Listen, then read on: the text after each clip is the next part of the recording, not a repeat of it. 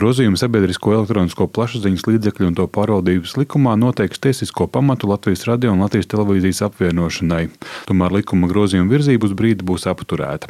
Vairāk nekā 200 Latvijas radio darbinieku parakstītā publiskā vēstulē norādīts, ka nav pamatojama likuma grozījuma steidzamība, kā arī trūka pamatojuma sabiedrisko mediju apvienošanai. Par to komisijas sēdē izteicās Latvijas radio darbinieku pārstāve producente Evija Unāma un Latvijas radio valdes priekšsēdētāja Una Klapkalne uzsvers. Mēs neatsakāmies no pārmaiņām. Laikmets mainās. Mediju patēriņš arī mainās, bet ir būtiski ievērot atklātību, skaidrību šajā visā procesā. Latvijas radio darbinieki ir piekrituši šim procesam, tad, ja vienlaikus tiek virzītas gan uh, apvienošanās koncepcija, gan finansēšanas modelis. Brīdī, kad šīs koncepcijas tiek viena no otras atrautas, sākotnēji virzam apvienošanu un turpinam strādāt pie finansēšanas modeļa un domāt, un rezultāts nav prognozējams, tai brīdī faktiski šī struktūra izjūga. Saglabājas nepieciešamība sabiedrisko mediju apvienošanu skaidrot tajos strādājošajiem.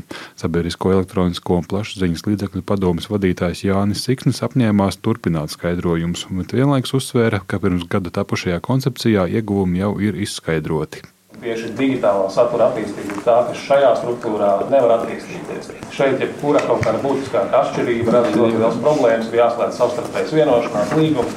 Tā ir fundamentāla problēma, es gribētu teikt.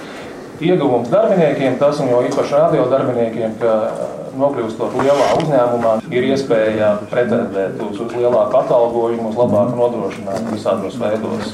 Deputāti no jaunās vienotības frakcijas atgādināja, ka steidzamība bija plānota tikai sabiedrisko mediju apvienošanas procesa sākšanai.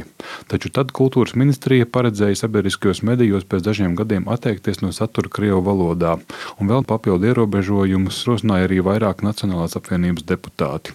Pēc jaunās vienotības pārstāvja Gata Liepiņa teiktā, tas bija mēģinājums sabotēt sabotēt likumprojektu. Pret šo vērtējumu iebilda kultūras ministrijas parlamentārais sekretārs Ritvars Jansons. Iepriekš jūs nevarējāt laikus iesniegt tehniskos grozījumus. Nu, bija tā, ka pēdējā brīdī mēs saņēmām. Ja? Nu, kultūras ministrijas rīcības vērtēja kā necieņu gan pret mums koalīcijas partneriem, ja? gan pret komisiju un arī visu iesaistīto pušu darbu.